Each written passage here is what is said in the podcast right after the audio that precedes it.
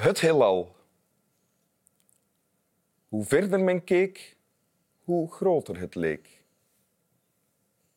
Jules Deelder schreef ooit een ogenschijnlijk super simpel gedichtje dat je misschien wel kent.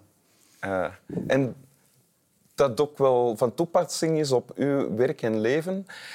Ik heb u natuurlijk nog niet voorgesteld, Thomas Hertog. Aangenaam.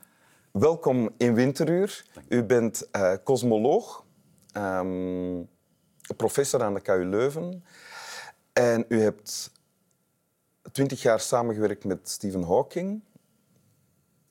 Eh, dat heeft geresulteerd, onder andere, die samenwerking onder andere heeft geresulteerd in een boek, eh, On the Origin of Time, het ontstaan van de tijd, zo vertalen we het in het Nederlands. En dat boek is dit jaar eh, verschenen. Ja, in maart. Ja. En hoe doet het boek het? Het doet het goed. Ja, het wordt vertaald in 27 talen, dus dat houdt mij goed bezig. En eh, het is toch op de New York Times bestsellerlijst geraakt. Dus, Op nummer één. Ja, even. Ja. En ehm, voilà, dus dat is wel uitzonderlijk voor een, een boek van, van, een, van een wetenschapper hè, uiteindelijk. Ja, en sowieso ook van een Belg, want er heeft nog nooit een boek van een Belg daar op nummer één ge- gestaan. Misschien niet. Ja. Proficiat daarvoor, namens ons allemaal, eh, de Winteruur Community. En u hebt een tekst meegebracht. ja. Zal ik hem lezen? Heel graag. Oké. Laten we eens aannemen dat je het geheim van de schepping hebt opgelost. Wat is je lot? Laten we aannemen dat je onder de diepste lagen de waarheid hebt gevonden. Wat is dan je lot? Laten we aannemen dat je honderd jaar gelukkig geleefd hebt en daar nog honderd jaar bij zullen komen. Wat is je lot?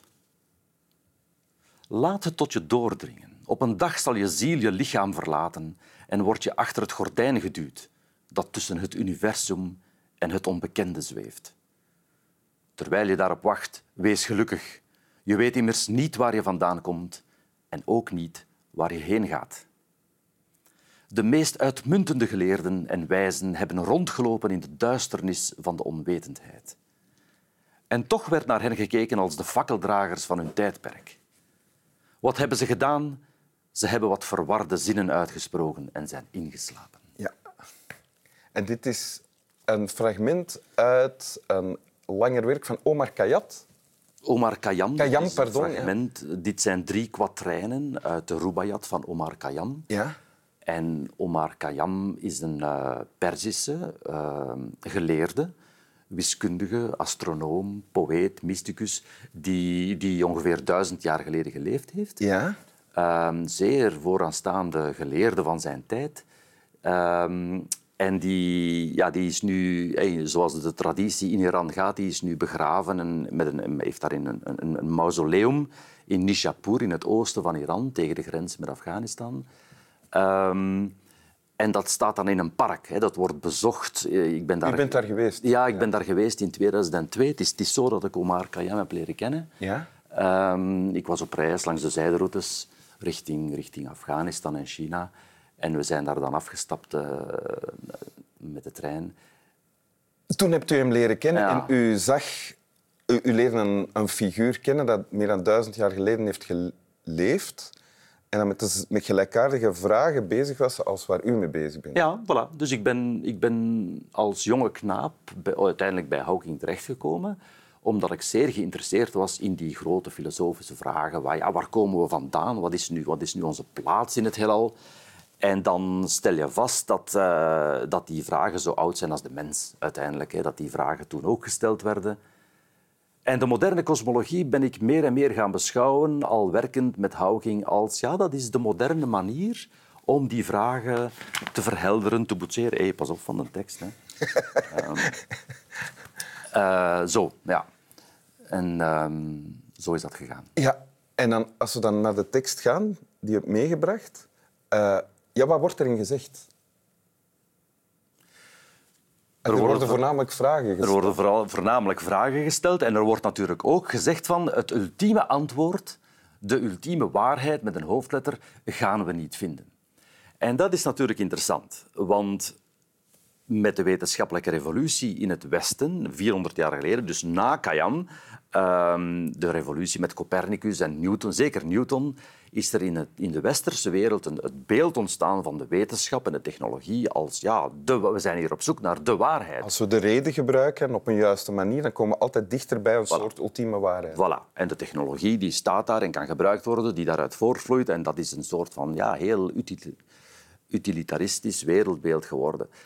Terwijl in mijn onderzoek met Hawking rond die oerknal en zo zijn we toch uiteindelijk ergens van, ja, van gedacht veranderd. aan. Want u bent ook wel daar begonnen, op het punt van... Oh ja, ja, ook Hawking. Hè. De Hawking schreef in zijn eerste boek. ehm, ja, we zijn hier op zoek naar, de- naar de geest van God. Dat zijn de natuurwetten. hè. Dus de natuurkunde, de natuurwetten zijn, er, zijn ergens als de ultieme waarheid geponeerd geweest door Newton en sindsdien nagestreefd. En ik denk dus, ik denk dus dat we niet helemaal klaar zijn met die wetenschappelijke revolutie. In de zin van met wat wetenschap is. Die, het gevolg van de wetenschappelijke revolutie is geweest dat de mens, de positie van de mens, eh, onze plaats in het geheel, compleet in de verdrukking geraakt is. En, en, en eh, uiteindelijk niks te maken meer gehad heeft met die ultieme kosmos. Ja. En Wat Bedoelt u dat, dat er geen, geen ruimte meer was voor, voor mysterie? Ja, Ja. voor een stuk. En, voor, en, ook, en, en ook dat er geen ruimte meer was, schijnbaar, hè, voor dat menselijke perspectief van binnenin, in dat heelal, op de kosmos. Dat vind je niet terug in die natuurwetten. Ah ja, ja. U bedoelt de beperktheid van dat menselijk, pers- menselijk perspectief. Dus Wat als ik wetenschapper is. ben en topwetenschapper, ik blijf een mens, dus ik blijf binnen de beperkingen van het mens zijn alles te proberen ontleden, terwijl dat kan ik eigenlijk niet. Mhm, Ja, dus de wetenschap met Newton heeft... Newton heeft, eigenlijk, heeft uiteindelijk, en- en Copernicus, heeft uiteindelijk een soort van godsperspectief op de kosmos aangenomen. En dat is goed, dat is een groot succes geweest, maar fundamenteel is dat, is dat natuurlijk niet juist. Dat is een succes in de zin van dat dat heel veel bruikbaars heeft opgeleverd. Maar niet in de zin van dat er een waarheid is blootgelegd. of de meer existentiële vragen beantwoord. En daar gaat het natuurlijk bij Kayam over. Wat is de plaats van de mens in die, in die grote kosmos? Hoe verhouden wij ons tot wat we vandaag dan zouden zeggen de natuurkunde, de natuurwetten, de kosmische evolutie? En daar heb ik met Hawking een hele weg in afgelegd en zijn we tot een heel ander ja, concept gekomen. Dat is eigenlijk wat ik ja, in, in, in mijn boek uiteenzet. Ja, want die natuurwetten, waarvan ooit gedacht werd en misschien nog altijd gedacht wordt, dat zijn eeuwige wetten die vaststaan. Ik, klopt het als ik zeg Daar zullen we niet mee akkoord gaan nu. Hè? Ja. ik, eh, dat, jullie er zijn, dat jullie hebben gezegd, ja. nee, dat is niet zo. Die zijn niet altijd eenduidig, die werken niet altijd hetzelfde overal. Dat klopt toch? Hè? Wel, bij de oerknal. Bij de oerknal bots je op de limieten van dat, van dat beeld. Hè. Bij de oerknal ehm, beginnen ook die wetten te evolueren. En heb je dus een soort van... Ja, daar zit de existentiële kern, denk ik, van wat, van wat die fysica uiteindelijk eh, is. En dus na twintig jaar... Ik heb Kayam leren kennen als jonge knaap uiteindelijk. En na twintig jaar komen we ergens terug uit bij die, ja, bij die reflecties. eh, bij die meer, bij die, zoals je daarnet zei, bij dat mystieke. Dat toch ook, ook nog achter die wetenschap schuilt. En dat heeft alles te maken met die oerknal. Met de oerknal hebben we schijnbaar iets ontdekt dat geen oorzaak heeft. Hebben we schijnbaar een soort van epistemische limiet ontdekt. En het ontrafelen daarvan vertelt ons iets uiteindelijk over, over die grote vragen die ook bij Kayam al liggen. Heel mooi. Epistemische limiet. Dat dat betekent is een moeilijk hoe woord meer voor we slapen weten, gaan. Hoe dichter we bij een punt komen dat we beseffen dat, er, dat we nog veel meer niet weten. Dat Ja, klopt toch, ja, ja, ja, ja, ja. Oké, Wil u hem nog eens lezen? Maar ja, maar ja. Oh, ja, waarom niet? We zitten hier nu toch. Ja, voilà.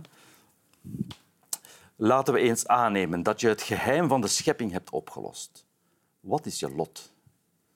Laten we aannemen dat je onder de diepste lagen de waarheid hebt gevonden. Wat is dan je lot? Laten we aannemen dat je honderd jaar gelukkig geleefd hebt en daar nog honderd jaar bij zullen komen. Wat is je lot? Laat het tot je doordringen. Op een dag zal je ziel je lichaam verlaten en word je achter het gordijn geduwd dat tussen het universum en het onbekende zweeft. Terwijl je daarop wacht, wees gelukkig. Je weet immers niet waar je vandaan komt en ook niet waar je heen gaat. De meest uitmuntende geleerden en wijzen hebben rondgelopen in de duisternis van de onwetendheid. En toch werd naar hen gekeken als de fakkeldragers van hun tijdperk. Wat hebben ze gedaan? Ze hebben wat verwarde zinnen uitgesproken en zijn ingeslapen.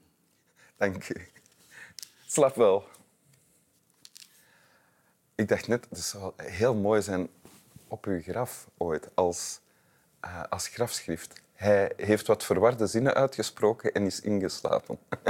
ja, dus dat staat er ongeveer op dat graf op dat mausoleum van ah, waar? staan er enkele van die meer existentiële. Maar kan je voorstellen dat dat op jouw graf zou staan?